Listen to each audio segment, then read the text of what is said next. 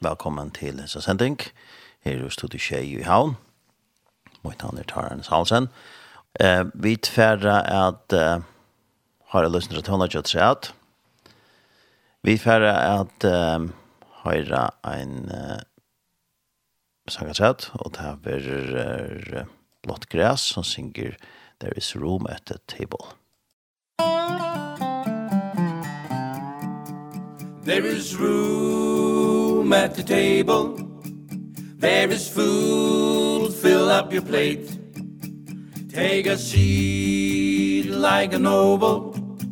Welcome in, you're not too late. There is room.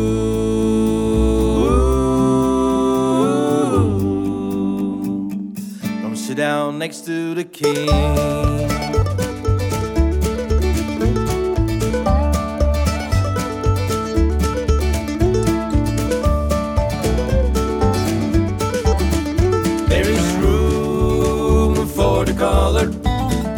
There is room for black and white. And for those whose hearts are broken There is room both day and night. There is room.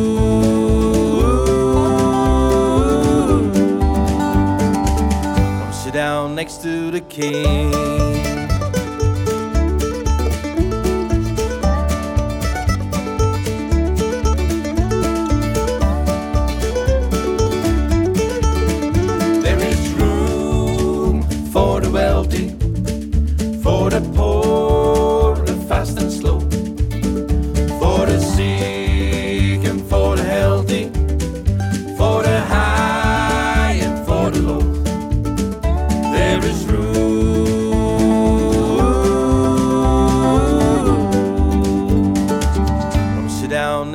the king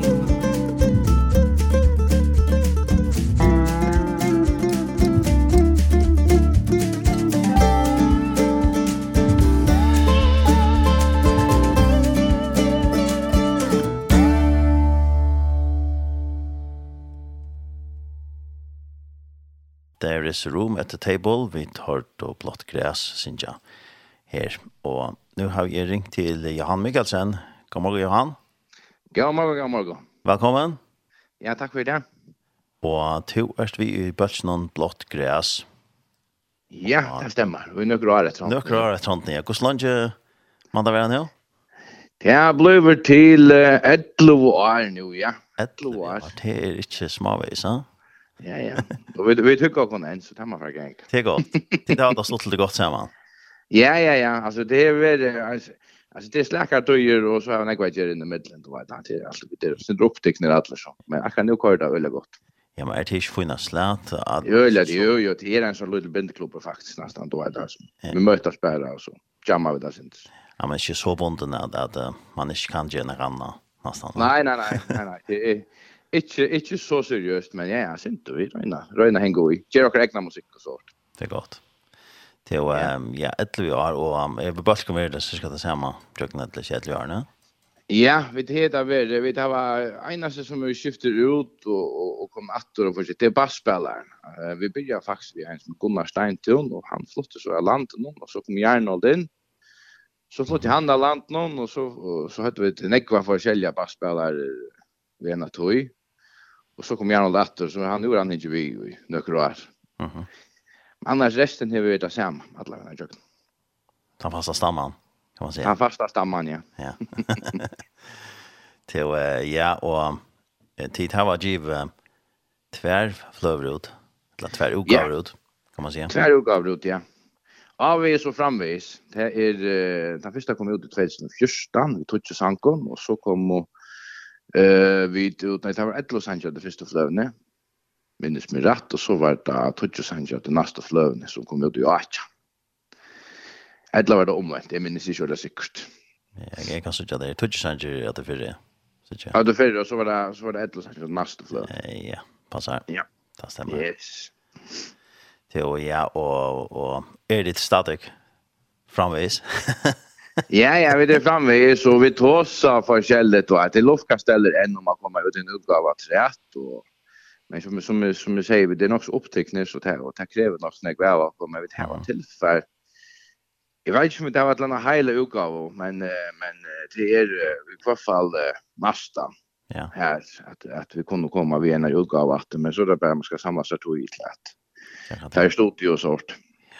Men uh, sikkert visste jeg det hver gang, så er det sikkert resten av tilfellen kommer til at sikkert. Ja, ja, det er det som er. Det var i hvert fall det seneste utgavene som var. Da hadde vi telt ikke ordentlig nok, og så tar man sett seg nyer, og så, så knappt gjerne så. Så kommer det til en alltid. Ja, de arbeider seriøst, vet du. Ja, arbeider seriøst, vet du, ja.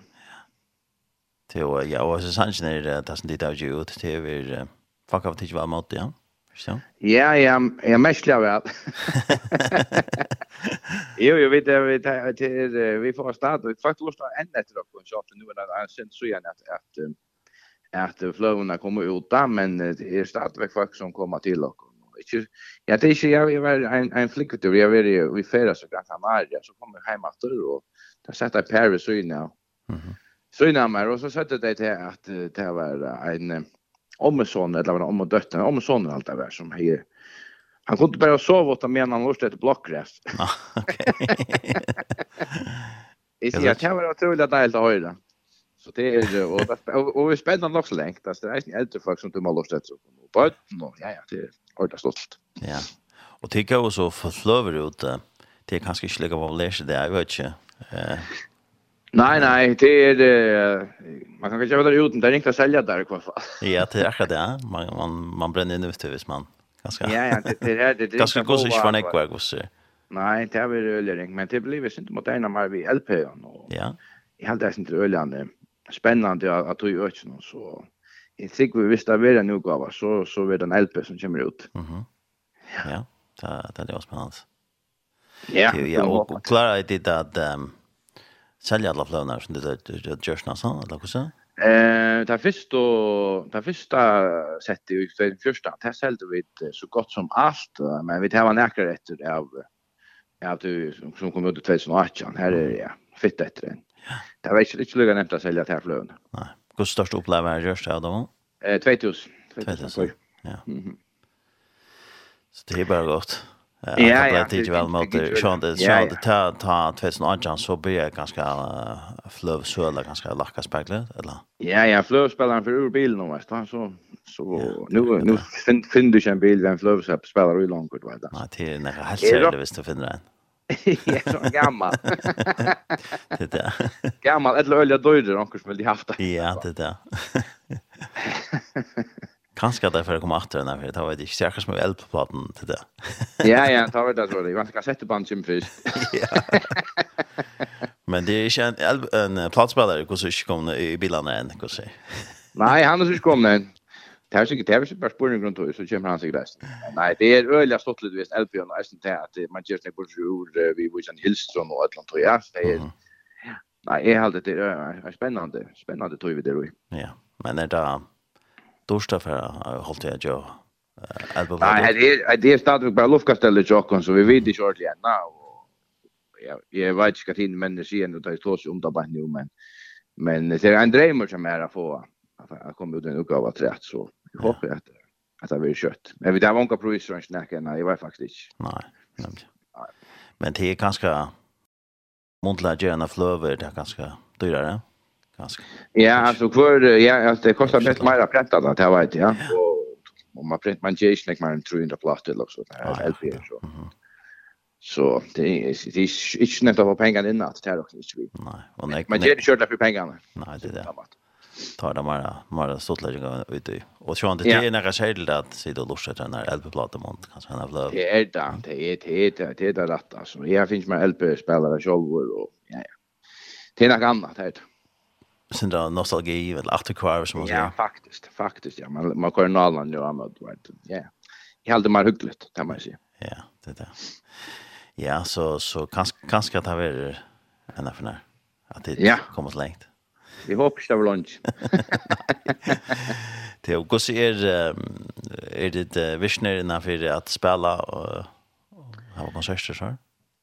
Ja, alltså vi det är börja så smått att vi det har det här är en en par vi har haft en paus i 22 2022 inte inte vi har så fisk haft akkurst onkar eh spelningar men det är inte vi nej nu har vi nu är det börja så smått att att här var forskjelligt men det är inte alltså vi kommer inte spela kort vikskift det kommer det inte det är också inte vi nej det är mer högt jag att och och och ge det att vi tog mat faktiskt det ska inte vara det ska inte vara arbete på det maten Akkurat. Og hetta var fyrir imenske støtten av, av, av Askaren.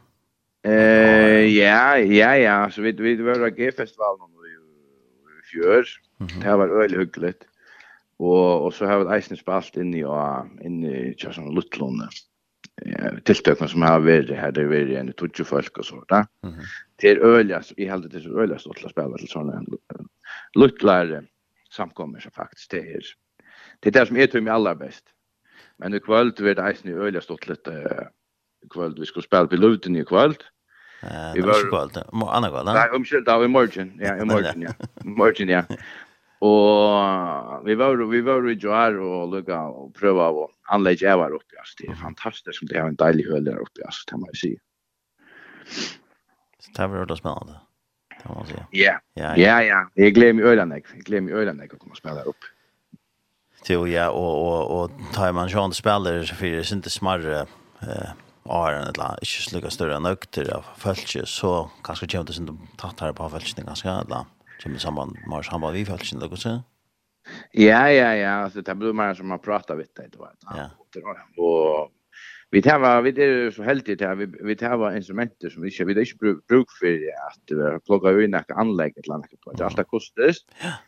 Och at det samme så kunne vi för in i, på ett inn i et hus og vi fått en orkester og spela då att ta nekka problem. Mm. Det var stor konsert nästan. Stor konsert ja. Då är det det det det så är helt så öle hyggligt att spela såna konserter. Mm. Mer intimt. Det var tamat. Akkurat. Ja. Ja, som du säger så skulle de spela till konsert i andra kväll, lärkväll där. Lea kvöld igen, så säger jag. Mår du kvöld men det, ja. Är du spänt och vart? Det är spänt, du vill gärna vara väldigt kvöld någonstans. Ja, ja. Hoppa var kvöld, men hon är alltså morgon, ja.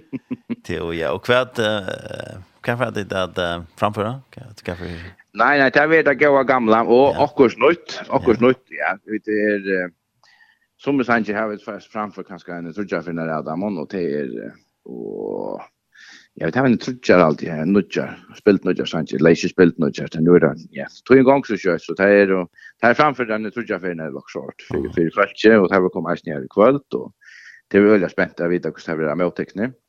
Annars er det sanger av, av fløvene som er som kom ut i första matchen. Ta dit ju ande prova att spela spille nudjar det er det ganska för vita om, om hur det blir omtökt den folk ett land ett Ja ja, det är som man har provat det. Vi tar vi tar kvart respons i det. Ja. Av fjälten. Då tar ta man spel där ja. Det är det är öliga spännande kvar för en. Kan det.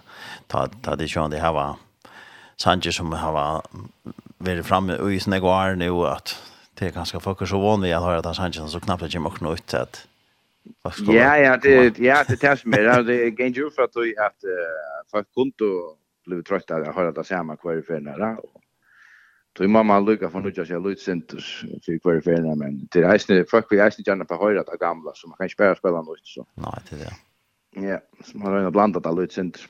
Ja, det låter spännande. Så annars är det gå och känta Ja, ja, ja, vi kommer att spela Sankur till sonen och Seasons och, och bara Hippenbau och allt det. Det kommer att ta över konserten, ja. Ja, ja, ja og there's room at the table kanskje vet Og det ja, there's room at the table han kommer han vil nok eisen ja. Ja, han blev ordat ikke fram til han kom ut. Eh, uh, det blev ordat ja ja og, og det var en av de sankene som som vi det var stod skulle komma vi och och av flövna då att det tärs med så jävla stort lite vi vi man vet lätt hur hur så sansen klar blåa motik. Nej. Tig på tig på tig på kanske halta det att att att sanken är ordla. Det är ganska tid ja, man kan switcha. Vi, ju ju ju ju. Jag minns det väl alltså så sanken han ble, det Ragnar som över Ragnar har just, uh, just leio, no? Uh -huh. Och Og vi visste simpelthen inte hur vi skulle spela. spela. De har en forskjellige opptøkker av telefonen til Ja, Alltså han gjorde det när øyne når han utgav kom, han blev till det som han blev Va? Mhm. Och Vi minnes det vel, det var akkurat som at Terry, han har gjort, Terry har så lite solspill, mittlen sannsene, og spiller med linjen nere, og han sett og, og klimpra i det, og ofte, ofte han til vendingar. Og så sa vi, alt kjipt, det er smart, det er tidsju, og kort dette samme vi, deres ro, sannsene, du vet da, og plink, så var han her, du vet da. Så följde vi den eisen sjolver, og, og, så, og så, så, så, her skal vi ha fløv, den eisen sanken her, du vet. Så det var, ja, det var veldig stolt, hvordan han ble etter det hur han blev gjort ut hans sank. Ja. Och så vann han en FMA, och man hade hela. Jag kan så ja, ja, ja, nemlig. Nemlig, akkurat så. Ja, jeg helt det var også, men det er sånn så gjerne jo. At, ja, ja, det var 15. 15, 15 han, ja. Ja. ja, ja, det er langt snakk var är, Det är nekvar så gjerne, ja. Ja, ja, det var... Och hva er gör sannsyn her og så er det gang? Nei, det är vi alla alltså som... Uh, som gjør lö och Rickard gjør uh, det aller flest och uh, tekstene. Ja. Han är uh, han familj vid Delagmars behövs så det är det ligger till högra benet så. Jag skriver. Så han han då öliga väl att skriva så han skrev att alla flesta texterna och så så så har vi gjort onkel Lö och Terry gjort onkel Lö och Ragnar onkel Lö och vet så det. Så det är ja, öliga öljande blanda och det är nästan kvar för när vi vänjer så jammar vi ett akkord vet du. Mm. Det ska jag någon alla det. Eh jag vill jag vill diskutera öle vad ska komma vad är det så då vet vi vi vill ju ändå löv och så då. Ja, det är ju stort det här. Så att det är kappman. Att drävna att drävna standarden jag säga. Alla ja ja ja, alla lugan jag säga ja, det borde sig förstås. Alltså det är det det som det team är öle stolt alltså. Det är vi tar hugga kom kvar för när vi vet bävänja och tar spel. Och tar jag ganska att det tummar väl att göra det som det gör då tar det hugga det kan. Ja, ja, ja, ja. Det är ordentligt hyggligt kvar i förna. Det har kaffe och kakao kvar i förna vi för så Det är... Nej, det är bara vi kommer samman. Ja, ja. Går så ofta vänja det så ta dit vänja så ska. Vi röjna, vi vi röjna vänja ena för veckan. Det röjna vi. Men det har vi varit stilt det senaste tiden men nu alla vi där kom gång efter att vänja ena för veckan. Mycket kväll klockan 8 och Ja. Det bøtten i fem sjong. Ja. Det och kvar har det det vändningar hålla. Ja, eh med vi vann börja och i 2012 då vi börja ta vant vi det missionshusen och i Moa är. Mhm. Och Rickard, han är bara så god sangskrivare, han är snickare och timpmäver eller snickare. Ja. Och, och nej, inte snickare, han är timpmäver och så arbetar han nästan som flåmekanikare, så han tog över väl till. Han har så snickat hon ett vendingarhøle, og man lager reisene ikke. Det kan sånn Ja, så vi tar en utrolig deilig vendingarhøle, og gøy utgjør at uh, spiller jøk nå. Så ja, det er, det, det man går ikke, det er pura sikkert. Det er veldig tett. Ja. Det er så slipper utgjør nesten bare bara Kanskje jeg nekker det. Utgjør standa bare, ja, ja, altså... Vi tar vi tar gott anlägg standard in här bara som som är vänjök så det är Ragnar Grulje har bilar att det kommer till till mixing och han damer väl väl efter det. Vi lightningarna. Ja ja. Det är mer än halda mig rätt läkt väck från. Tackar det. Teo ja och tidigt spänt till morgon som du säger. Det är ja spänt ja ja ja vi var en tur just kväll det och hade en en april eh Leopold Leopold inte se på tammata. Mhm. Och det var öljan öljan läcker läcker höldras. Jag är faktiskt väldigt inne här för. Och ja ja, det är ja, här är fantastiskt inne. Ja. Öliga pent pentjust och och gott anlägg. Tar vi först för att det kom. Ja, vi vet inte, vet inte spalt inne här för nej, Det vet inte. Ganska inte när det kom ganska. Eh, ta tar jag sig. Ta tar jag sig mockrak nu spalt, men ja, är alltså inte väl Nej. Ja. Ja, men det där var ordentligt spännande så så folk kunde glädja sig till morgon till höra när jag går till honom för att Ja, jeg gleder meg i hvert fall, og vi skulle nok være hugga oss, så det Det håper jeg at det får komme oss. Ja, det skulle dere også gjøre det, ikke Ja, ja, vi får gjøre akkurat aller beste for at det skal bli hyggelig. Ja, helt sikkert. Ja, men jeg er ferdig at sier det større takk for det. Johan Mikkelsen for at jeg kunne ringe til den og har lyst til å prate her. Og at uh, tid takkast vi i blått græs. Fyna så slä ja, men tusen takk for at du ringte, og så må du ta det veldig godt her, her, Sjore. Takk for det, og jeg halte vi færre at uh, takk om kanskje sang, tja, takk om hva telt, vi vi skal takk om kanskje dit for å spille til konsertene. Alltså mer de öliga väl på Hippenbau Så tumma spela han så heter vi ordla där. Ja, han kunde vi tacka här. Så större tack för det. Och gott nu vid ett land. God sikning. Tack för det, ja. Ha det gott och vi tar det det annan där. Yes, men tack för det. Alla. Alla. Ja, bye bye.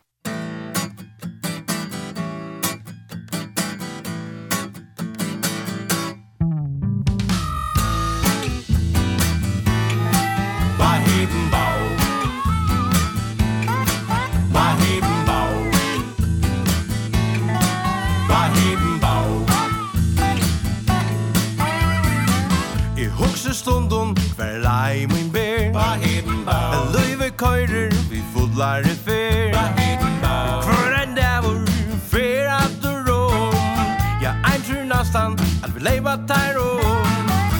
Stenga an och boja ett bil. Det är rätt som är nu Se att her vill jag kom vi.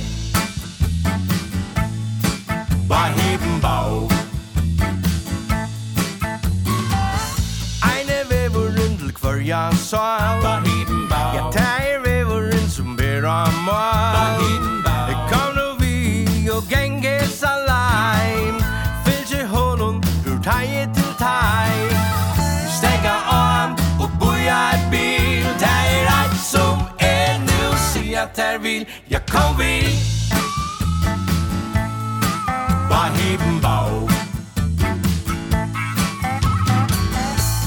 山来真为何事？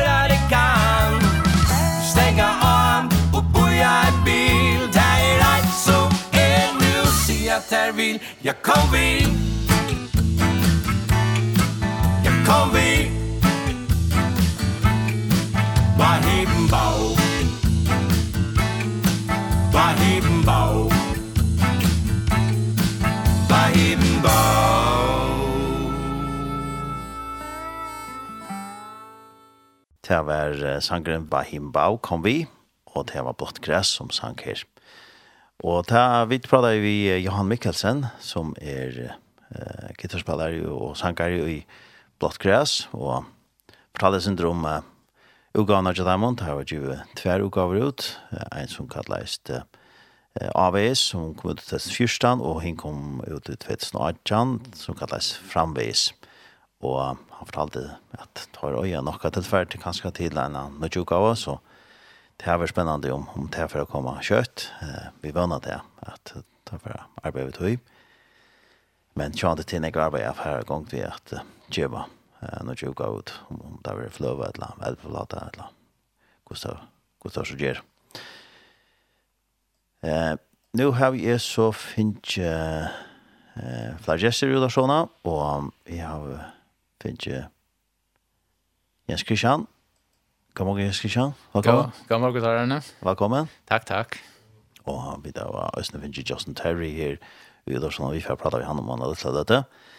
Eh, til uh, Jens Kristian, eh, ja, som uh, Johan nevnte i praten med Johannes, så får jeg ta det til Lodhøyka til Sønkonsertene, som vi er i andre kvart, lærkvallet. Ja, ja, vi er rett og klart denne gang til vi preiser mine country concert. Country-kveld. Ja, ja, ja. Vi er faktisk, når jeg i bølgen og preiser som uh, dama vel country, og i halte, ja. I halte en egen føring av dama også vel country, så det er like nok snakk til akkurat på en Jeg sitter under country-konsert opp. Mm -hmm. Jeg føler ikke country-fans. Ja, det er alltid gus gods for okkara. Det er det som vi ikke okkara konserter, det er damer vel uh, country-tøndøk. Ja. Jeg har alltid det konsertene som vi har gjort, har alle båret nok så nekva til på det, vi har ikke vært, vi har haft øyne rockers her, hun var og rykket i Øsne, vi har Lutzen, hun rykket i Funt. Annars er, det er bare leia seg sånn at det er mest i kontostøyla. Ja. Vi tar og vi tar til Røtter, og så i januar, hun rykket i ordentlig vel, og tanker var vel vidtja. Og så nu kommer dette til neste konsert, at hun har til. Og til dette konserten ligger så, ja, för jag faktiskt sommarferie. ja. Men så kommer vi störst att uh, för september. Allt vi det här var en en sex konserter och i Stöpskön från september och fram till ändan av februari. Ja. Ehm nästa år. Så till det vision kan man säga. Vi rör en och ja. sätta vår upp och Ja, men det är inte Ja, det är nog skott att kunna få oss där av av konserten och vi, där. Ja, vi det var helt det att det är näka som är vår... faktiskt det mangla innanför innanför gospel uh, omkvarb i förrjun. Det var nog snägg kanske forsen av femsen och Første tvätten. Ja, det tar vore men så er det noe som at det minkar ju också nek, og det är ju väl några särligt. Alltså det er vært också første bøtkar, så men det är ju så näck för særlig. särligt. Vi tar så så jag fyrir om vi kunde pröva jag kanske bröta det här synter og, og lukka som får startet opp att det synter. Ja. Så vi har så valgt det att vi tar første bøtkar, og det som vi kunne få fjärter och Och så blandar vi det här vi utlandske utländska men allt är ju en spurning om pengar. Så, så vi, det är en sån balansagång. Vi först har det heter Lukas där finns fätter. Vi vet i oktober har faktiskt finns fätter en ordentlig namn. Men det tar vilja komma det förra. Så hvis vi skulle gå till fotlandprojus för, för tampalchen så så är det släckligt just görst. Men hes människor tar vilja komma det förra. Vi där kan skriva det samman ett halvt år. Och, och ja, så, så det har blivit att det har varit i oktober. Ja. Och då ser man vi Så har vi valgt att för exempel nu till hesa konserterna och vikskiften någon. Här har vi finns ju Justin Terry med video och det är samband som vi tar eh som vi finket har vi var i Magna och i uh, Nuichan och tog upp för Magna tog flow upp här i den. Så Justin synker en sang sammen med Magna till flowen, ja. Och så har vi ett helt samband med Luika. Kanske han inte så väl känd ur förrjun än, men jag vant att när det här kvället tar är det Nick som känner han och säger ja, han är en god sankare och han häver en ordentlig kontraröd så det är lite vad det att han blir väl dömt ut. Det måste man säga. Ja, ja, ja. ja. Det och och um, är det static plus för fallet jag kommer. Vi tar plus en men det är faktiskt väl sålt men det är möjligt att köpa köpa en av netten. Mhm. Eh, som man får in på prisim.fo så kan man här länka du man ser konserten för förstås man bara till och så är det länkar här man kan väl lägga till här man kan köpa kan mest.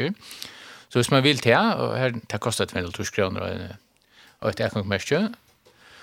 Och man visst där vill jag kan mest efter så kan man östen köpa i horna. Det är bara fyllt jag vi hemma så att vi skulle nog skriva hemma så visst det inte visst det är utsålt. Nej, nämligen. Men ta kostar det så 300 kr visst du köper vi horna så det spelar det inte vi kunna köpa netten. Akkurat det. Ja. Så det är bara göra bara med. Det är bättre, det är en fördel då att göra det. Det, det är faktiskt närmare för jag att vi släpper från att uh, arbeta över tog ju tack för till och folk släpper från att det vet att det var plats. Det kan jag kunna komma in. Ja. Och det är så en sitkonsert, att låta vi sitta. Okej. Okay. Yeah. Ja. Så bara inne i salen och något nu på kanten. Ja. Så det har valt lukar som här var så så ett hyggligt koncept det man faktiskt in där och ofta vi öppnar horan nu och en timme åren så kan man prata och hon har så sin tur. Ja. Så konserten det här konserten så blir nu läge kväll. Det här blir det blått gräs där kommer börja spela en 14 minuter och så Och så kommer Magne Kristiansen på av vetna av blått gräs och tar ösnen en 14 minuter. Mhm.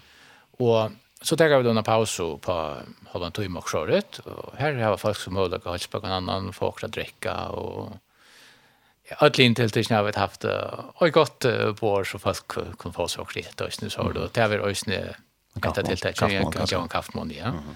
Så til till ut så för din til salen, och så kommer Justin Terry on och TV en konsert på. Ja, vad han tog i också så så är allt själv med færre nok snakk for pengar leger kvalitet. Jag var ikke inte där jag var när jag kvitt ett vänner allt tror jag men du har nästan tror jag konserter i en pakke her. Ja, ja. ja. Så det er så hyggligt kvalitet Ja, ja. Som uh, Johan fortalte oss nu han hadde hade leoprova, att det var gå om så så tar det rösne. Eh väl spännande så här tar ska nog för bara bara för gående så jag håller det att hur hur det förskost. Ja ja, jag håller det att jag menar så vi vi skulle lycka lära finna kvar annan och hur vi hur vi sätter vi hur vi gör vi det stilt men nu har vi det runt nu just en 28 konserter och vi vet att vad ska till och hur allt ska sättas in och så. Och jag håller så vi blir något bättre nu och ta köra det gott till att sätta några konserter upp och Bäi vill jag alltså vi där var teknikern Lutne tar över för att hjälpa till och så är hans antor så kanske tappar han upp och synte han mixar konserterna Jakob. Mm. Så vi tar allt på plats här och ja. Ja. Var det gott. Ja ja ja. Ja, jag hade vi för att prata vi uh, Justin Terry. Justin uh, hello and uh, welcome to our radio station here. Thank you my friend. So good to be here. I talked to you on the phone uh, yeah. I guess a couple of weeks couple ago. Couple of weeks ago, yeah. Yeah in February. It's good to be here in person. Yes. Did you have a good flight to the Faroes? Well, yes. Uh, it was kind of a fiasco to get here though, which was okay. uh, you know, the fault of Delta Airlines in the United States. But um yeah, it was great. It took me a long time to get here, but it was a really nice flight in. I came in, you know, kind of as the sun was setting last night into Faroe Islands and um It was gorgeous. Yeah. All the snow on the ground, is so pretty. Yeah. So I already love it here. Yeah. I already feel at home. That's good. Do you have a, a little bit jet lag also? Uh I feel okay, but okay. you know, yeah, yeah I'm I'm kind of tired, you know, yeah, and because uh, the time I'll, I'll, I'll wake up before the concert tomorrow night. yeah. the time uh, at your home it's it's different than uh, than yeah. hours now. So right now at home it is 6:30 a.m. Yeah. So it's only four hours. It's yeah, not okay. Not a terrible time okay, yeah, change. Yeah. the, so this is the first time you've been here. Yeah, it is. Uh, it's yeah. my first time here, yeah. and, and uh, but, but, but everything's been great so far. Yeah. Jens is really taking care of me, and that's uh, good. You know, uh, the people seem wonderful. Everybody I've met so kind, and um, yeah, I already love it. Good. Uh, you've been to Europe sometimes before? Yeah, so I've I've performed uh, the very first time I performed uh, in Europe was in Germany uh -huh. back in 2015. I did some shows there um in Berlin and Frankfurt and then uh I've performed in the Netherlands and um Belgium, France. I think that's it. Uh -huh. I think those are the nations I've performed in in Europe. Um I love to travel. I absolutely love it. So I, anytime I get the opportunity to come and, you know, do a so not, what I love in a new beautiful place. You know, I love to do that. Yeah. So you've not been in, to Scandinavia before? Never. Never. Yeah. So it's first time in Denmark My first also. time. Yeah. Yeah. So excited. hey, have you been in Iceland? Never. Never. No. So this is all new territory yeah, for yeah. me here. So that's that's gone uh, maybe next time. Iceland, Norway and uh, Sweden maybe. yeah, yeah. Add them to the tour. Yes. so um uh, you're going to be uh, at the concert tomorrow uh, and uh, playing some songs. Uh, which uh, which uh, songs are you going to play? What kind yeah, we, we of, got a whole of, yeah? slew of them. We got a yeah. bunch of songs. um, I don't even have the set list in front of me, but I'll do some classic stuff that people will know, but I'll do some original stuff too. Um, and it's just, it's going to be a great show. And we stopped by last night on the way um, from the airport we stopped mm by and, and heard is it Bloodgrass? Yeah, blood Right? Yeah, Bloodgrass, yeah. yes. They're phenomenal. Mm -hmm. They're so good. Uh, so I'm I can't wait to hear them. I'm excited to listen to them yeah. uh, open the show tomorrow night.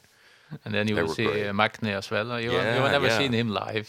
I've never seen him live. No, no, I've known him for several years. That's actually, you know, how yeah, I yeah. met Jens was mm -hmm. through Magna. Yeah, that was in the studio. We met we met yeah. first time. Yeah. Asheville, North Carolina, United States. Yeah. Yes. um, but it's going to be a great show. Yeah. I'm so excited. So we we heard them doing their sound check and then before that we actually went and heard uh, the band rehearsing. Yeah. You have a music. local band here yeah, playing, yeah. Playing music. Jens hooked all that up, so yeah, yeah. he knows everybody in in in the band, and um, we heard them playing, and and I sang along a little bit. You know, yeah. they were playing some of my music, and so it's going to be a great That's night. Going to be good. Yeah, yeah. yeah. They're and, good. They're a good band. Yeah, they are. Yeah, yeah. And then Excellent. we had a Excellent. fun incident when we came uh, upstairs. The girls, the backing girls. Oh yeah, they were yeah. singing a song. Yeah. Now there is a is a story behind that song, huh? Yeah, th that song that uh, we went up just to hear him and uh you know, give him a hard time a little bit. And they were rehearsing on a song called If You Want to Go to Heaven. It's from my Countrified album. Uh and that's actually a song that my dad wrote back in we don't even know what year, probably like 1975 or somewhere in there, mm -hmm. the late 70s. He wrote it and nobody recorded it until I did in 2013. So that album actually turns 10 years old this year. Uh, but I love that song. People love it everywhere. It starts the album off and it's uh, you know, Do you, turned out really well, but it, it's so well written. Do you think your father was dreaming about that song would be played here in the Faroe Islands? he did. he never knew. no, you know, back in the 70s when he wrote that in uh, Knoxville, Tennessee. Let's you see how there you see how it played works, on huh? the Faroe Islands radio. yeah, yeah. yeah. Also a live concert. yeah, yeah. It's exciting, man. Yeah. Exciting. Great times. Yeah, it's exciting. But uh, when you travel to Europe uh, before, have you uh, do you have a band with you, or do you play with local bands? I, How do you I, do? A lot of times when I travel really far, I uh -huh. do it like we're doing it here. Uh -huh. Uh where I there'll be some musicians locally, you know, whether I set it up or someone uh -huh. else sets it up. Like my last show in France was that way. The uh -huh. the uh, the show manager he put a band together and I got, I came over and we did like what we're going to do where we just kind of get together and rehearse yeah. for a little while and then go do the show. Mm -hmm. Mm -hmm. But uh it's always worked well, you know. Mm -hmm. If you get good, good musicians who know what they're doing, then it's usually going to go yeah, yeah. smoothly, you know. um so uh, you know, I've done this several times where where I use a local band yeah. and and I like it. It's it's you know, it's a everybody plays a little different, you know, and there's a yeah. little different flavor and yeah. it, it's It's really nice. It's really nice. Yeah. We were yeah. talking about when you were touring in US yesterday, yeah?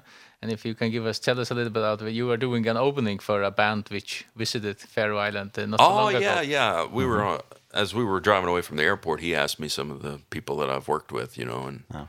um I've worked with some and I don't know who all is known here, but you know, I've worked with uh Aaron Tippin, uh, Marty Rabin with Shenandoah, Gary Puckett in the Union Gap, But I asked him if he knew who the Bellamy brothers were. So we've mm -hmm. done a few shows together yeah. and we worked together a couple of months ago and he said that they they had just come here. Was yeah. was it last year? Yeah, they were in the, the country uh, festival yeah. last year. Yeah, last yeah. year. Yeah. yeah. Yeah.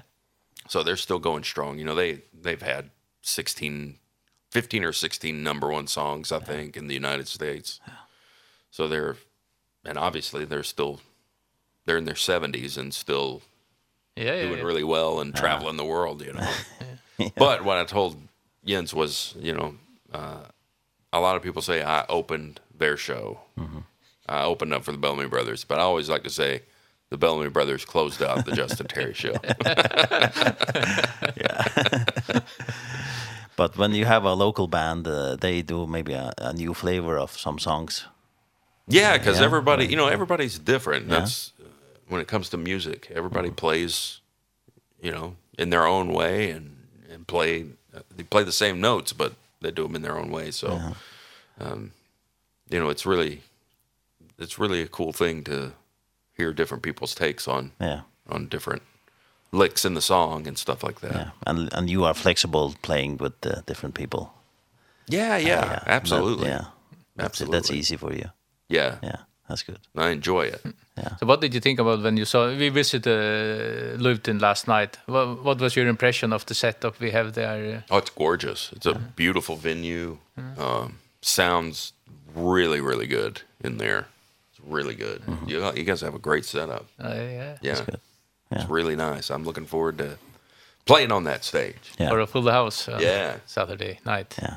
And uh, you're going to have a, a sound check playing with the band uh, Yeah, tonight, I guess we're doing that. That, that, that would be tonight. Yeah. yeah. So, just so nobody sneak over there and listen. no. You can't do that. But what they can do is uh, if you uh, log in on, on our uh, Facebook page, yeah. we will post some uh, videos tonight and so you can see.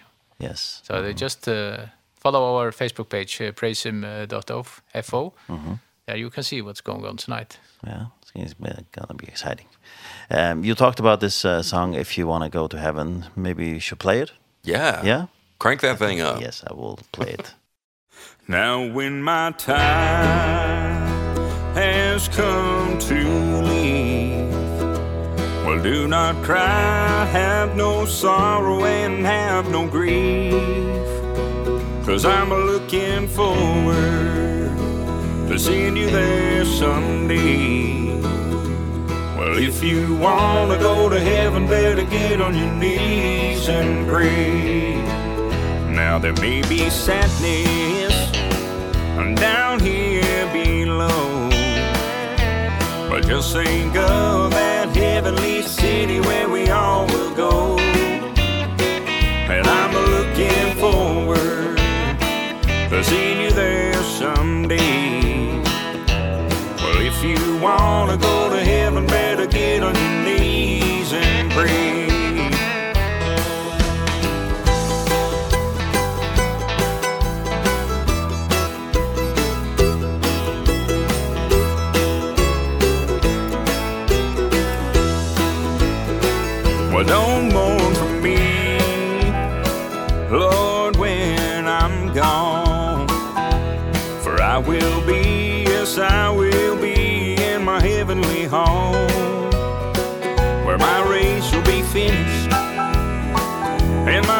lives I want And then I'll see the Savior's face And I'll hear him say, well done.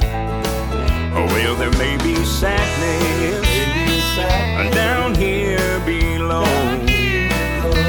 But just think of that heavenly city Where we all will go. And I'm looking forward To seeing you there someday. heaven better get on your knees and pray Lord if you want to go to heaven better get on your knees and pray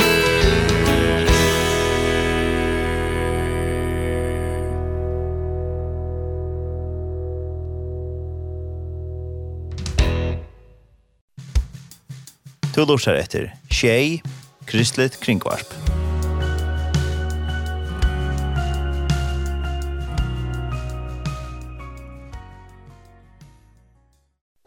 Det var uh, Justin Terry som sang uh, If You Wanna Go To Heaven. Og vi tar av vidjan av uh, Jens Christian Bryggerskiftet og Justin Terry is here in the studio live in person. In, in the Faroe Islands color. yeah. So maybe in this, maybe not the uh, last time you were you are in here in the Faroes. Oh this is uh, just the first time. Yeah first that's time. right. Hope you get a good impression of the islands and come back someday. Yeah, absolutely. Yeah, yeah. I'd love to come back. Yeah. The the love good thing is about Justin, he doesn't care about the weather, so... Oh no, I love the snow. He I don't had, get to see much of it, so. He has enough sun in the uh, US, huh? So a little yeah. bit of rain and wind doesn't matter, huh? Yeah. I like it. Yeah. Um, but now we will talk to um, another guy, Magne Kristiansen, is on the telephone. Hei Magne, er så her av Trondheim? Ja, god morgen. God morgen, velkommen. Jo, takk for det. God morgen, Magne. Ja, good morgen. Hi, Justin. Hey, buddy. How you doing? Good morning. Good How morning. are you? How, have you slept well? I did, man. I, I yeah. some more of it, but uh. yeah, very good, very good. The only thing Magnus is dreaming about the sheep heads and all these things. oh, yeah. Yeah. yeah, let's see let's see when it gets on the plate if he likes it. yeah. I'll try just about anything once. yeah, you you do, you do, yeah. Yeah, you're going to try some Ferris food. Eh? Yeah, definitely oh, tonight. Yeah. We will have some Ferris food tonight. Sheephead. Yeah. Sheephead, yeah. the dry fish and uh, and yeah. uh, yeah, and uh, you, you should give him, you should you should give him some pilot whale as well. Pilot whale. yeah. Yeah, that's it. So yeah. he will be the proper Viking when he's going to leave the islands again. Yeah. I I don't think he's going to leave again. I'm in trap. I think you'll, I think you'll stay. you'll stay. Why not? Theo Magni, hva sier du? Er du klar til konsertene i morgen? Ja, ja, jeg er klar, ja. Ja, ja. Det er veldig, det er veldig spennende. Det er, jeg er ferdig at uh, blant det lødsen til by. Fra, fra det første fløyene som jeg gav ut, jeg glaver ferdig den John Shale 5 til uh, det som jeg ikke ut. Det så ikke ju ut. Så det er veldig, det er veldig en, en, som man sier, en blandning av det Att Ja, mål, ja. Ja. Så när vi går känter gamla. Ja, ja, det är faktiskt Ja, faktiskt spela kände så inte mer. Nej, kan så. Ja, ja, ja. Till um, annars uh, går ser uh, när uh, det syns ju igen att uh, flower chat tog mot tränas. Det är långt tid tog tog ingen så kött. Ja, ja, jag var ju i Atlantischen för vi. Jag ändå gav ut hur glad för så mycket va. Ja. Vi har been kron ägga lön så så. Men jag har hållit ju något av flöven som som för att komma ut och i skulle det alla länge tog. Ja. Och vad vad det tävlar några? Det är en det är en kontraflöva vi gamla kontraflögar. Det är faktiskt en flöva som är att just 20 år faktiskt så.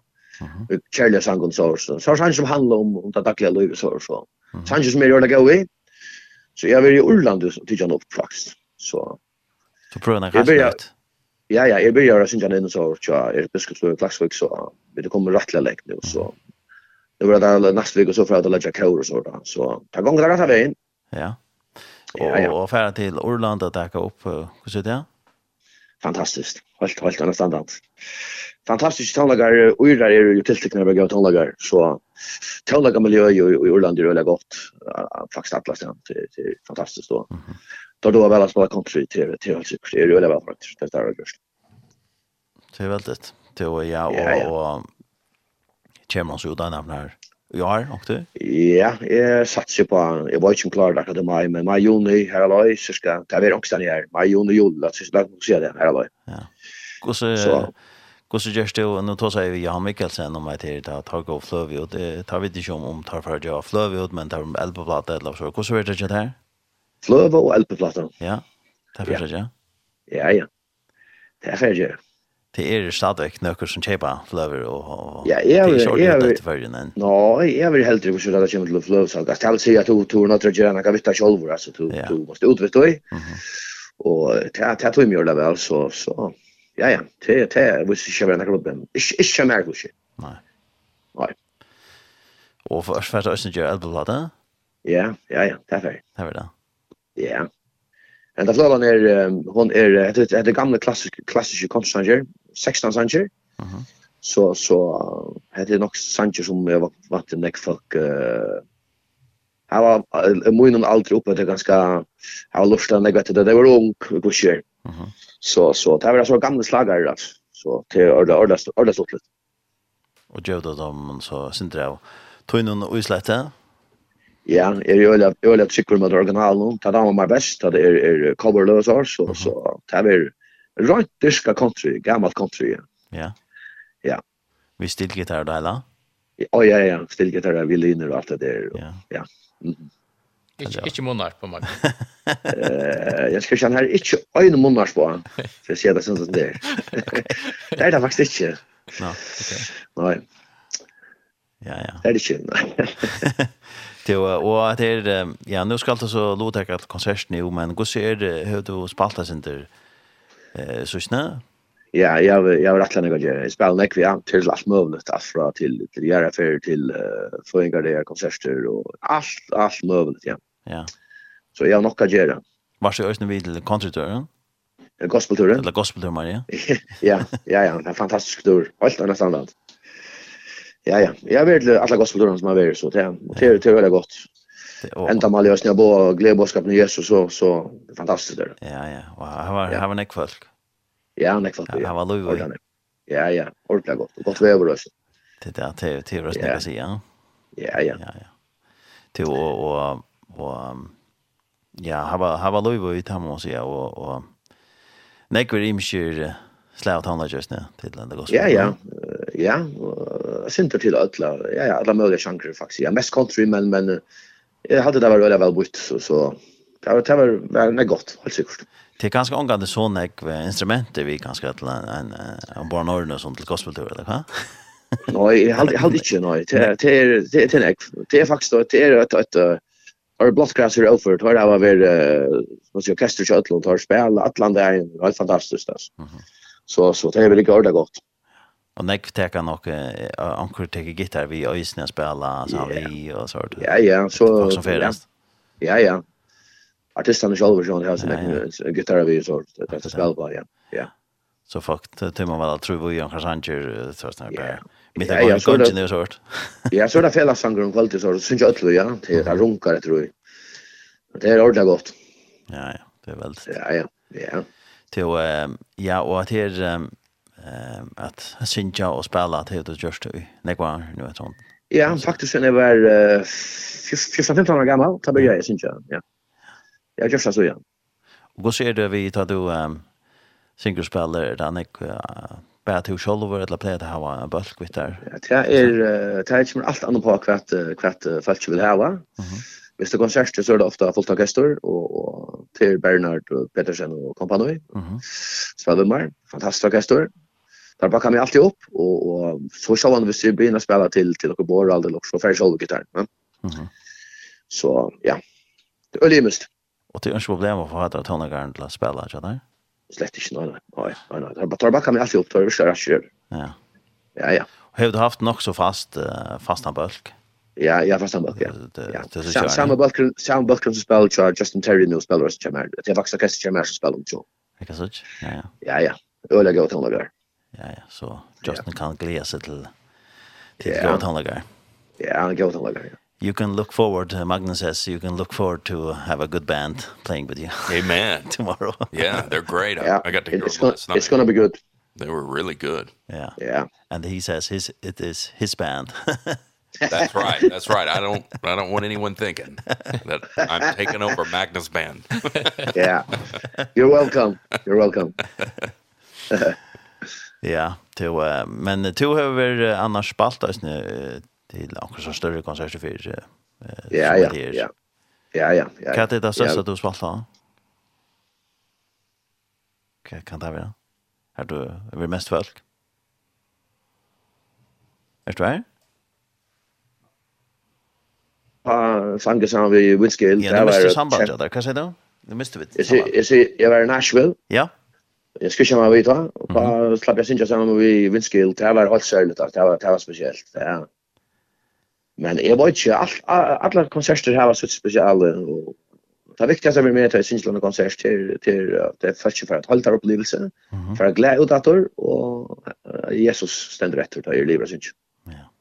Det är så. Det är viktigast. Ja, det är viktigaste. Och så kan det gott vara Shaggy Stevens och Alan Jackson och Glasgow syns men det centrala i Ötland är Jesus det är viktigaste.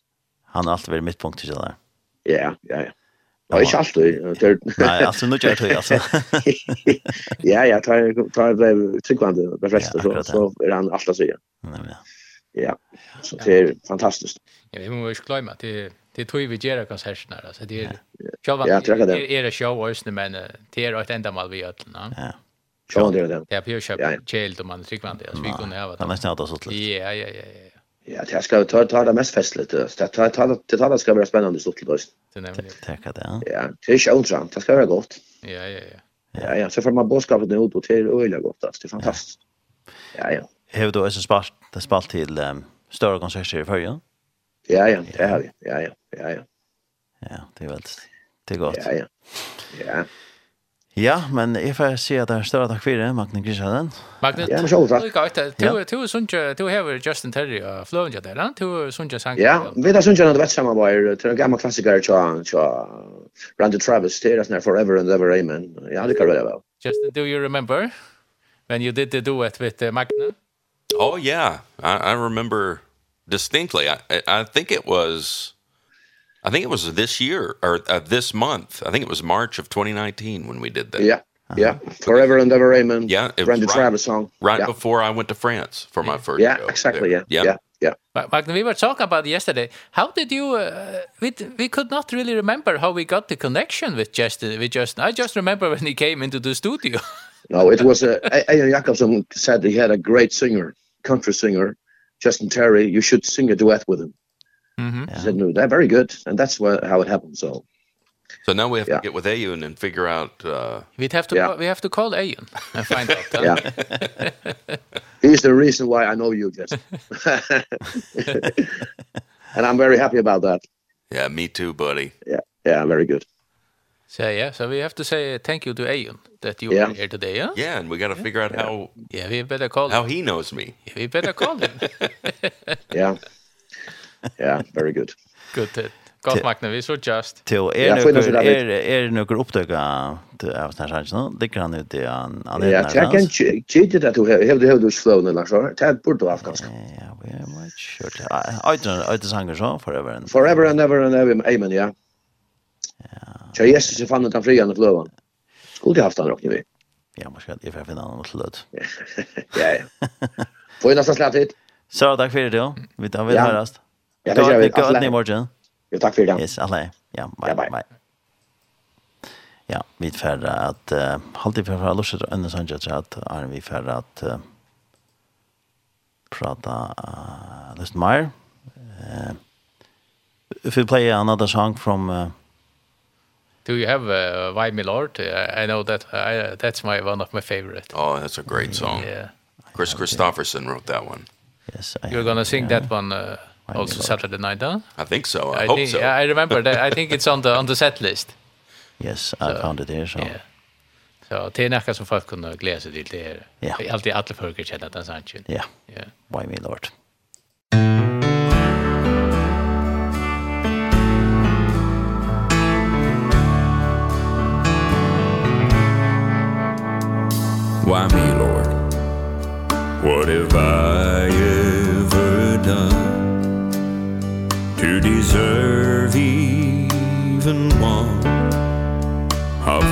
pleasures I've known. Tell me, Lord, what did I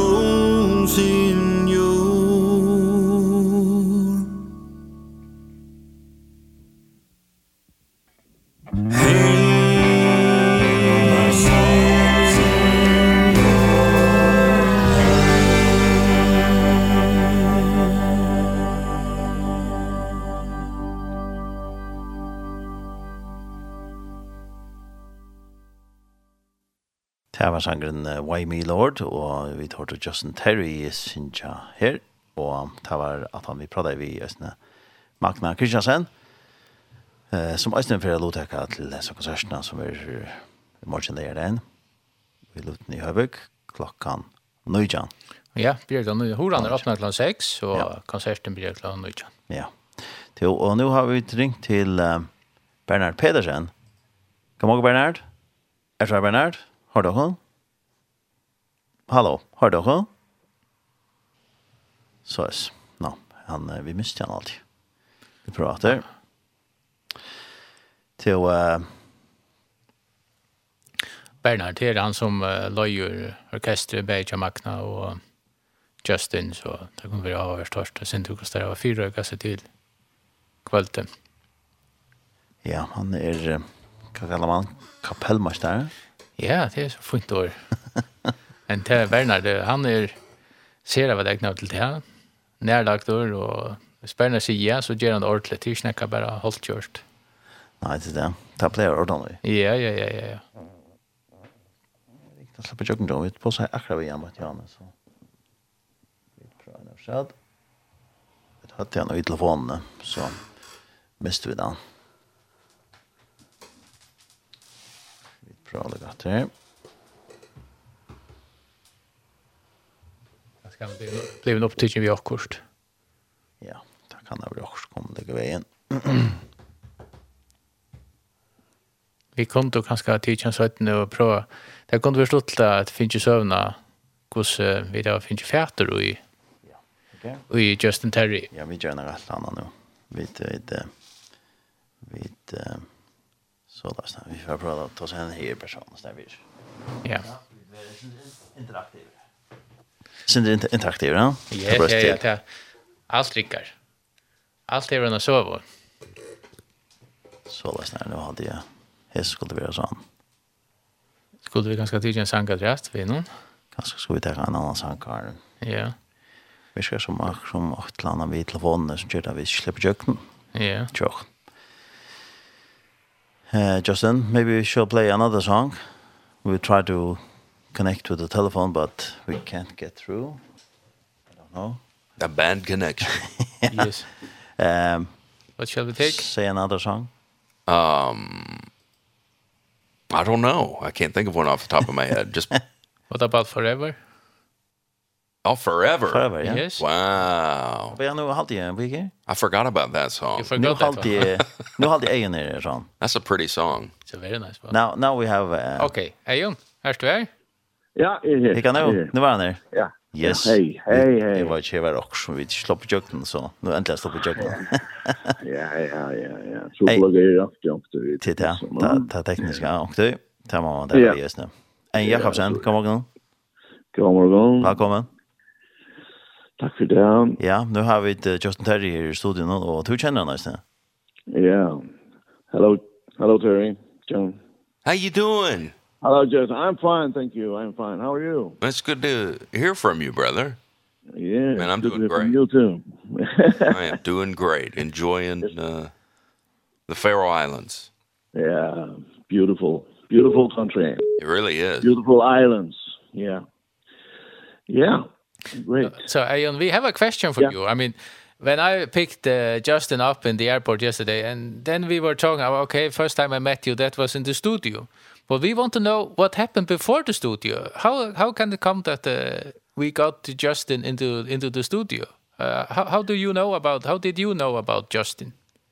Um I I got uh, Justin's first CD, first album. Mm -hmm. Mm -hmm. And there was a song, there was a song uh, No Children Playing. You remember that song? Yeah, that and that's uh Yeah, as a my father, dad. your father's. My dad yeah, your that dad. Yeah, well, the first one we played there? No, a diff another no. Another one? Yeah. Okay. Yeah, it's another one. And um, and I like that song, and I like the, the lyrics, and um, and I asked uh, Justin about to uh, to uh, get a permission to to um, translate it to to the Faroese. So so uh, that was the first connection. How how did you find that album? do you remember how you discovered that album? Yeah, I I got it on uh, on uh, on um, I I I on the internet somewhere. I don't know where, but I Okay. Which which album is that song on? It's an album called Inspired. Okay. Yeah, Inspired. It's, it's, you know, it's not, it's not, think, on, it's not uh, online. No, it's no, only No, no, no. It's it's not online. Right. It's uh, not on Spotify I think, or anything. I think I wrote it in um, in in when I was in in in uh, in Nashville someday. I, I think I bought it in in in in, in the states. I think in 2000. 2000. Uh, I contact you in 2015 or 16 about that about that yeah I remember that happening I just I couldn't remember yeah. how you know how you heard about that recording yeah yeah yeah. I guess we I, just I, don't, I, we don't know no. but, uh, the Lord worked it all out. That's I, what we need. Har du, du spalt hans angen inn, eller hver er hans angen av førsko nå?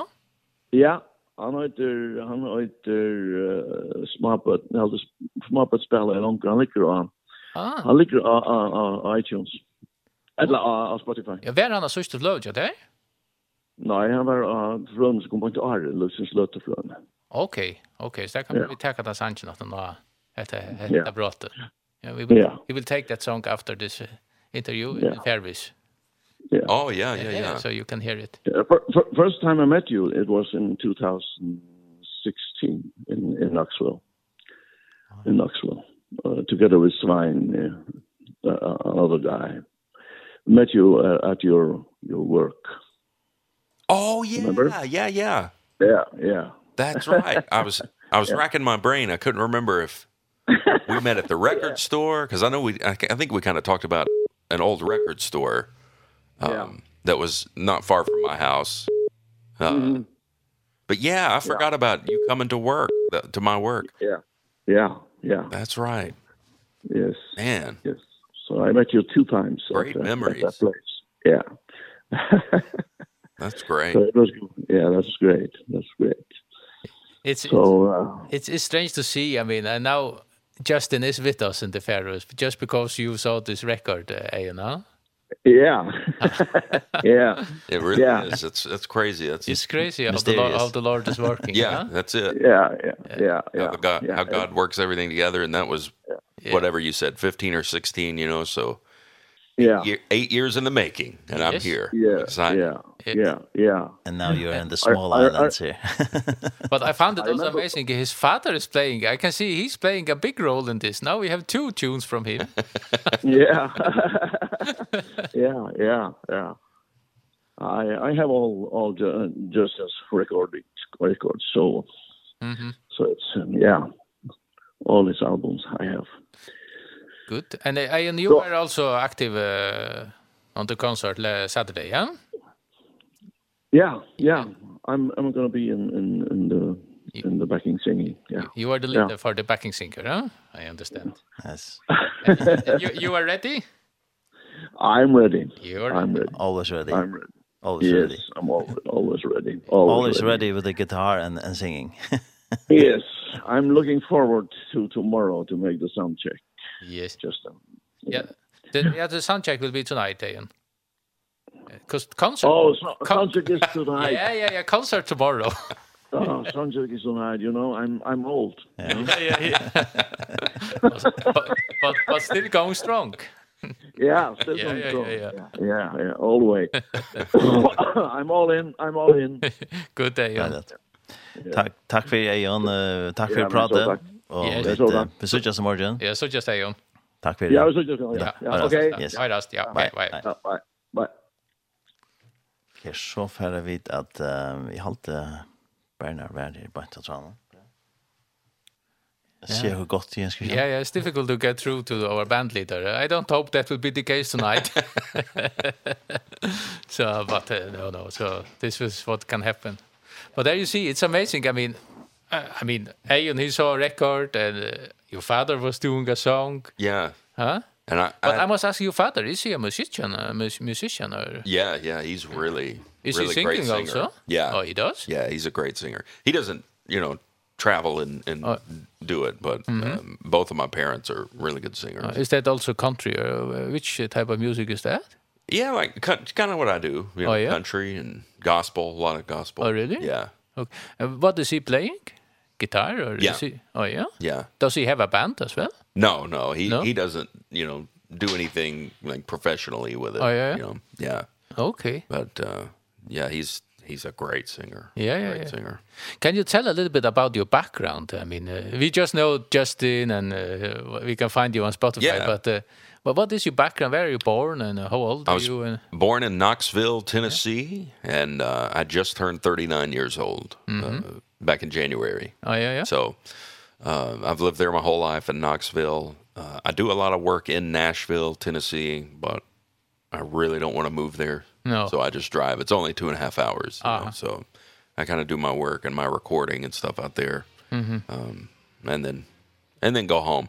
But, you know, musically I I never really uh I sang around for fun as a kid, mm -hmm. but I never took like choral classes in school or anything like that. I never did that. Mm -hmm. And it was probably um my senior year of high school is when I started singing a little more just kind of for fun and yeah. Uh and then I started singing in a trio at church after mm -hmm. I turned 18 and then I started singing bass with a uh uh gospel quartet I did that for six years, from 2006 to 2012. And where was that around the Nashville, or did you tour anything? We were basically the eastern United States. Oh, yeah. We, we traveled uh, yeah. quite a bit mm -hmm. for those six years in mm -hmm. that area. And then I went out on my own. I made that Inspired album that has uh, the song that Elon was talking about yeah. with uh, if that my dad wrote. Mm -hmm.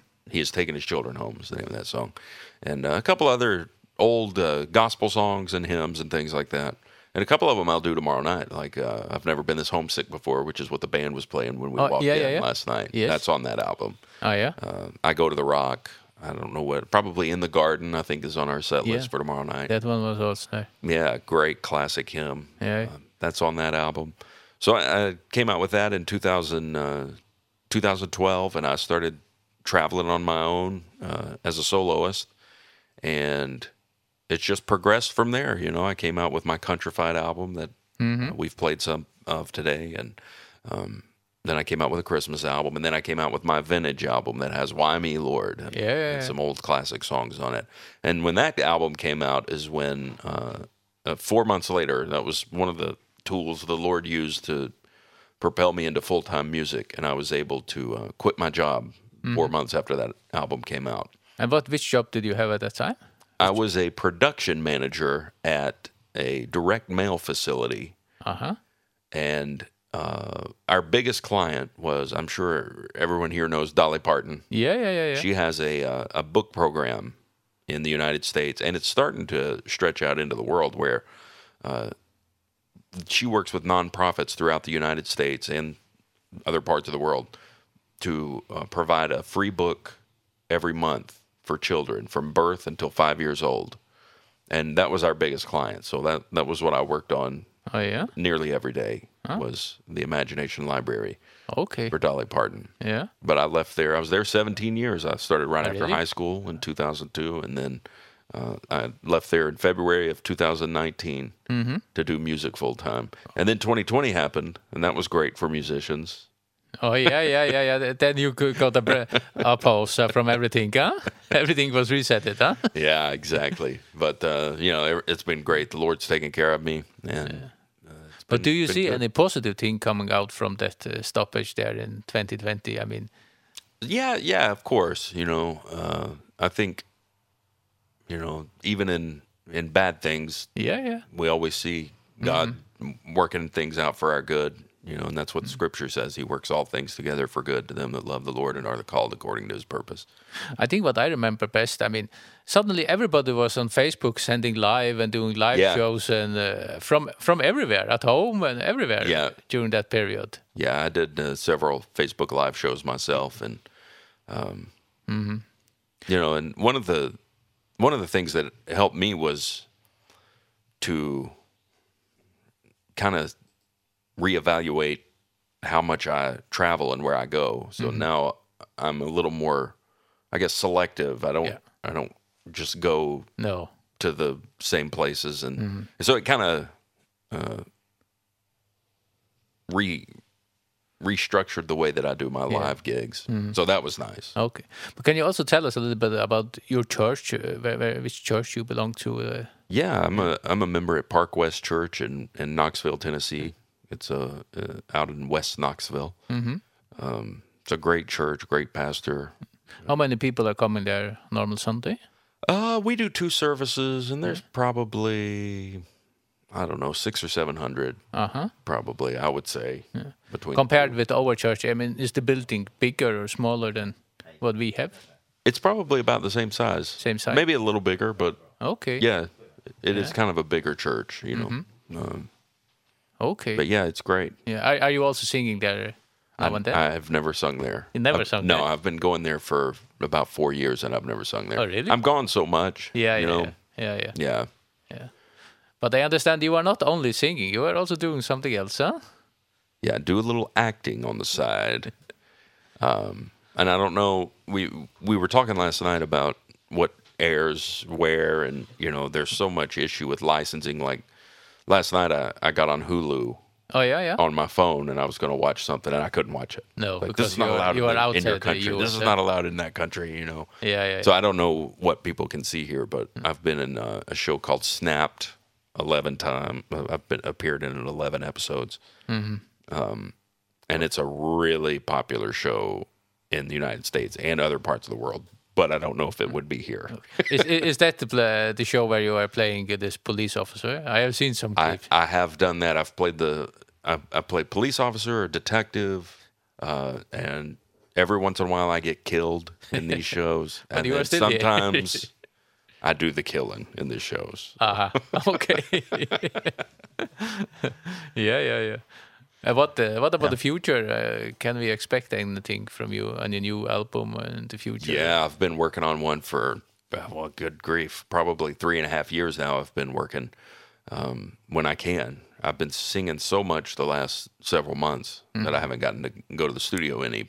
Um, but yeah, I'm really excited about it. There's a song uh, that there have actually been a couple of songs released uh, as singles oh, from that the, will be on that album, and okay. one is called "Wave the Flag." It's oh, a yeah. very uh, patriotic United yes. States mm -hmm. flag song. So yes you know, I don't think it would resonate with the Faroese. No, people. it's a little bit difficult to sell that one. but there's another song that was released. It's called Pair of Wings. I released Oh, yeah, I know that one. Yeah, yeah, yeah. So that one um it'll be remixed and yes. mastered and everything. Mm. But that'll be on the new album. Okay. Yeah. So I've gotten uh, several and then other ones that haven't been released as singles yeah. that I've already recorded. Uh, but you don't have a release date for that album Not yet. yet. Huh? I really really hope that it's sometime this summer. Yes. So Okay best thing to do is follow me on Facebook. Yeah. Uh, yeah, you have a Facebook Justin page. Justin Terry yeah. Music, yeah. Yes. Mm -hmm. Are you also on Instagram or is it mainly All page? of the stuff, yeah. All of the TikTok, stuff. Instagram, uh, Twitter, Facebook. the whole yeah, thing. Yeah. The whole as thing. far as I know, yeah, there, there's probably lots of other things out there yeah, that yeah, I don't yeah. do, but... yeah. I can see you have some pictures on your Facebook page, of Yeah. while you for, from your arrival last night. Yeah, it was so pretty flying in, so I posted that to my Facebook page. Yes. Those snowy island, rock cliffs, yeah. ocean, and beautiful. Okay, yeah. so we are ready to go to yeah. uh, now Bernard have, now? Now we have Bernard uh, on the telephone, so well. Uh, hello, Bernard. Hello. Hey. Oh, finally. Yeah, finally we got in touch with you. Welcome. Velkommen til studiet. Thank you. Velkommen, uh, Radja. Takk. Justin's sitting here uh, hearing everything and uh, you the band uh, uh, ja, kapellmästare. Ja. Ja. Bernard sitter allt upp ja. Ja, til ordnar det hele til uh, orkesterjonen. Ehm. Hur ser til at uh, få til upp kunna få uh, spela spela Sanjay Johnner så snart. til uh, nästa konsert. Det er som det utfordrande alltid og en spännande uppgåva. Och det är snarare synder allit av få, så det är alltid stolt för alltid alltid allt. Spännande. Ja. Och kände du när den sangen när? Ja.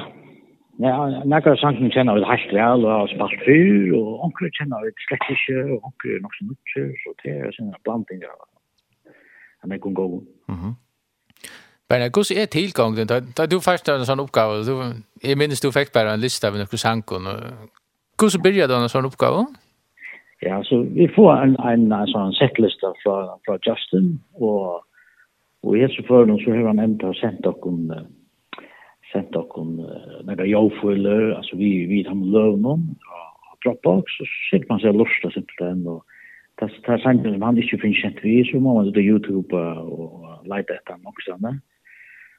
Og så uh, lusta vi all først, og lort etter taljon og forskjellig såret, og så man må få teksten her, og så må man liksom skriva gongter, byrjaner og mittelspel og så såler og innest. Det tar sangen som vi slett stod her, må man kanskje kanskje skriva besifringar og så. Så røyner man uh, liksom at kipa der sinter, og och kanskje man hva brøyta sinter, og, og så faktisk ser man igång men det som er upp en utfordring till att at att hes förden så så kommer han kommer han i jar vi får för i kvöld, men altså vi tar vant akkurat sanje men det er ikke lykke inspirerende å vänja for man ikke sanger vi. Mhm. Så det är lite det mer det det ger ikke mer hvis en sanger er vi, ja så. Ja, nemlig, ja. Altså, det det er, men ikke tror jeg, det är inte öla gott och Og vi i orkestren, vi tar skipst om Sundje, så vi tar ikke ofte vi slipper fra meg mikrofon, så vi tar Sundje og fokken halser. Til den ikke sanger. Ja. Det var den. Hvor er nå i balsen, ja, der, Bernhard? Ja, altså, ta, jeg spiller litt klaver, og pikkler synder av mandolin og dobro. Uh, Røyne er det beste førmående. Og så har vi Hjalmar Skård og Lettskan Gittara. Mm Og Eivind Kristiansen, han spiller bass, og Samuel Paule, Bernhardsson Petersen, han spiller trommer, og så har vi The Grand Allman Peter Hermansen og Stilen. Mm -hmm. Og så fikk Justin å spille kassegitar. Ok. Du har noen, jeg er ikke backing av det, han fikk noen damer som jeg synger. Ja, og så er det ikke unge damer som synger backing til Karen Elisabeth og Helena och ska minnas med namnet Gördis Maria.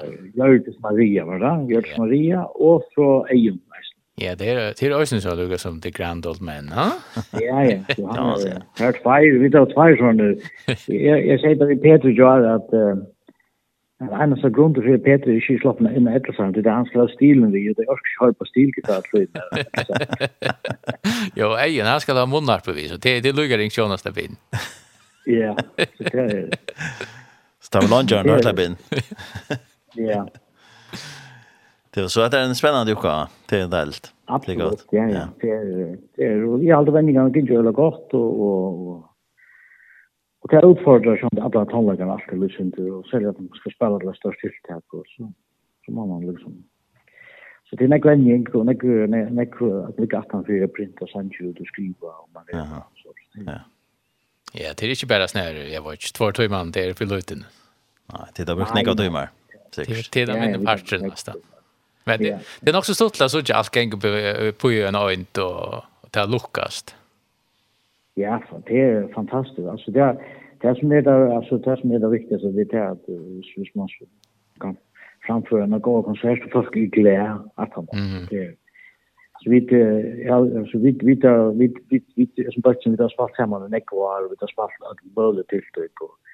Vi har ikke videre så fokusere på om det er nekk folk eller om det er en kjent artist eller hva det er. Det, det som vi gjør det er hvis, hvis folk er glad at de har konserten så, så er det liksom malen mat. Det är Ja. Nei, men ja.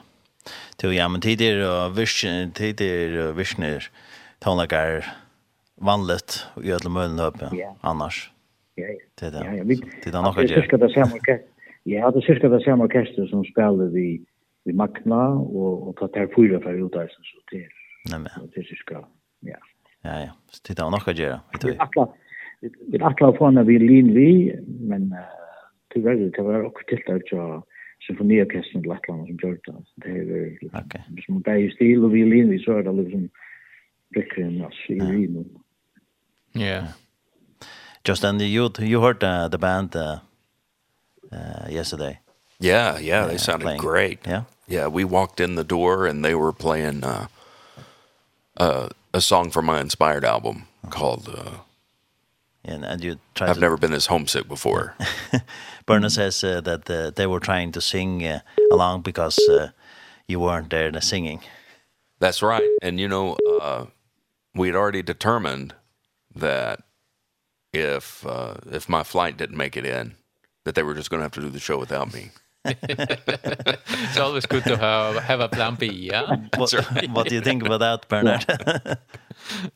yeah, I think... Uh, I think we have, we can't sing all the songs because you know we, we are just uh, we are just men and we we are very different it's very difficult to sing and uh, play at the same time. So just I don't uh, understand how you can make it, but it's very difficult for us.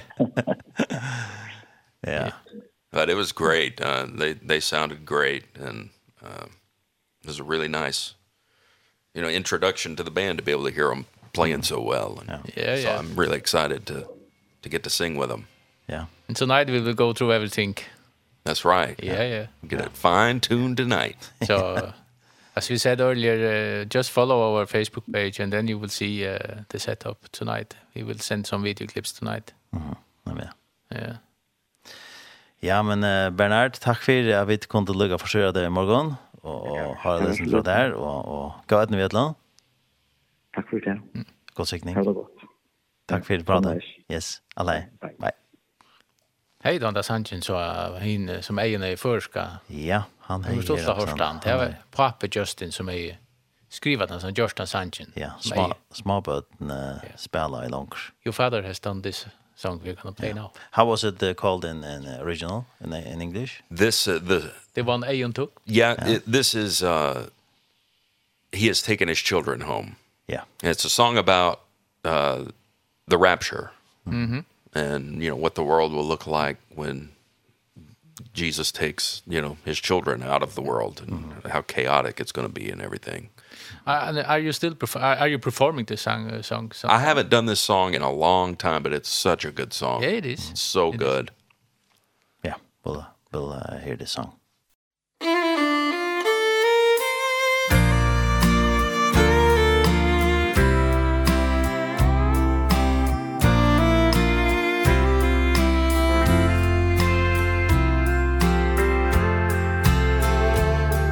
Han kom, han kom just nu. Og ur duren resas du Tui har vi er alt hyskje tult Og i sorg brott alt er vett Mor fjóta fyr ha man fjöldir Rasla herjar fjær og nær. Og om tun og tøy har det skrutja Det som spott vær er nu hent. Små bøten spela Høy langgrun Høy ljomar gleie songur. Vi konga kom og i skutjo halda fun Oi e tømlet tjens dutt har Stutt og langes venter tar Nu er at gods bør Før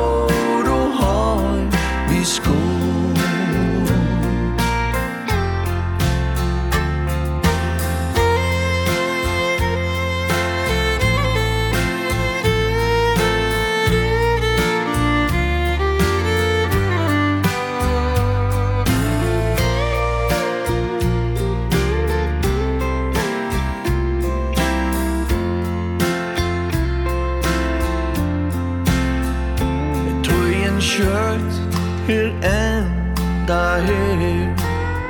Og han kom kommer Pratat du rer. Og i äldre rena Som du skutt Leiber heim. En tålin ljóar Harrans rødt.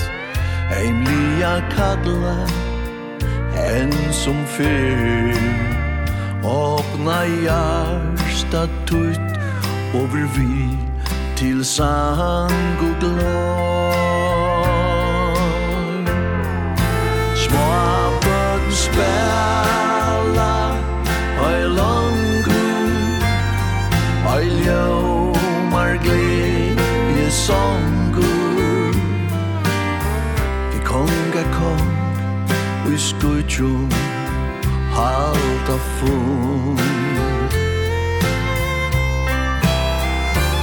Oi tømlit chans du har Stutt og langes der tar Nu er at guds bar Før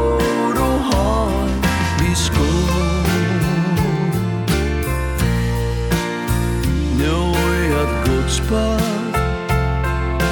Foto har vi skålt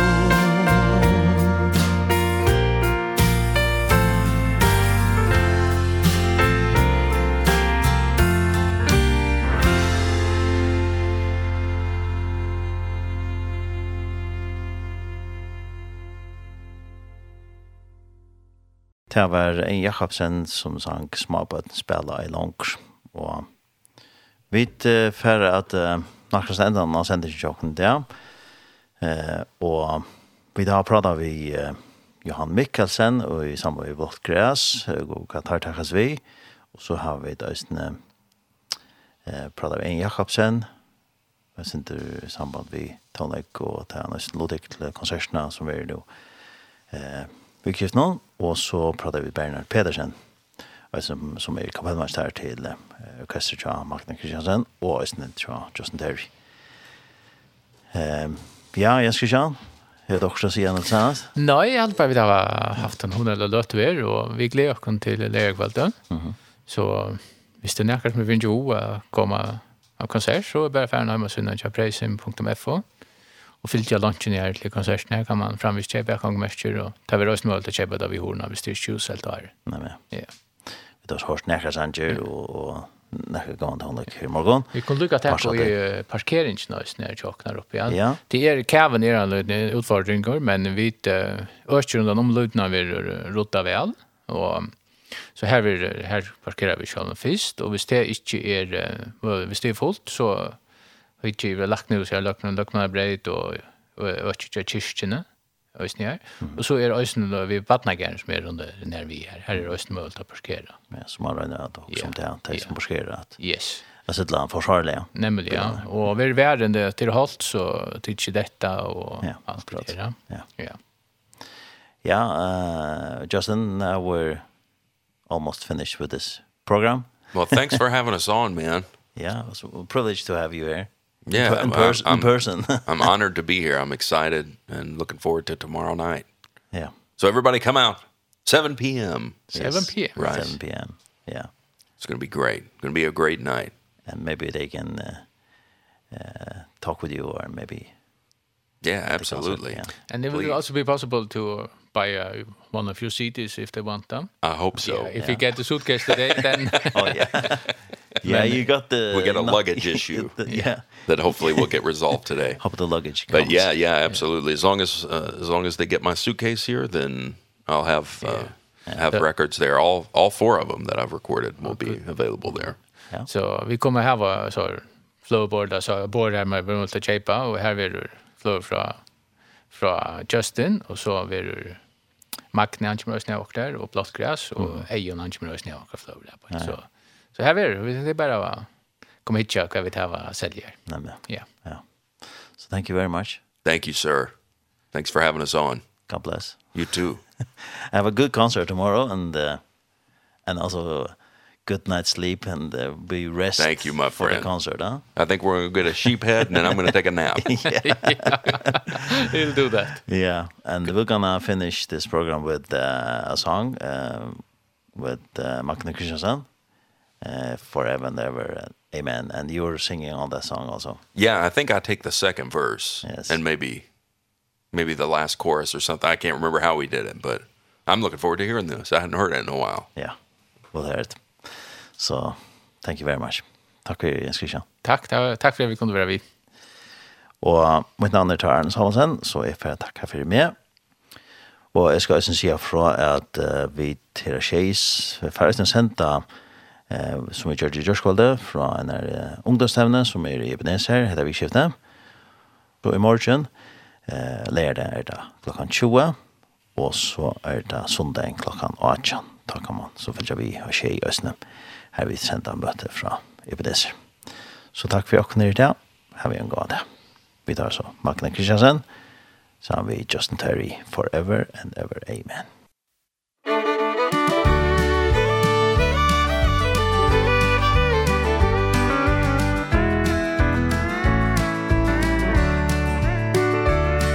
You may think that I'm talking foolish Remember that I'm wild and I'm free. You may wonder how I can promise you now This love that I feel for you always will be. You're not just time that I'm killing. I'm no longer one of those guys. As sure as I live This love that I give is gonna be yours until the day that I die. Oh baby, I'm gonna love you forever. Forever and ever. Amen. As long as all men sit and talk about the weather As long as old women sit and talk about old men If you wonder how long I'll be faithful I'll be happy to tell you again. I'm gonna love you.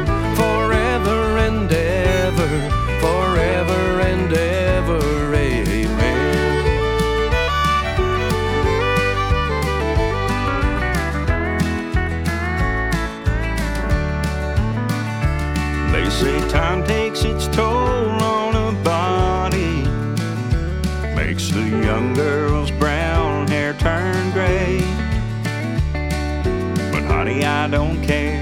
I ain't in love with your hair. And if it all fell out Well, I'd love you anyway. They say time can play tricks on a memory. Make people forget things they knew. Well, it's easy to see. It's happening to me. I've already forgotten every woman darling I'm gonna love you forever. Forever and ever, amen. As long as old men sit and talk about the weather As long as old women sit and talk about old men If you wonder how long I'll be faithful Well, just listen to how this song ends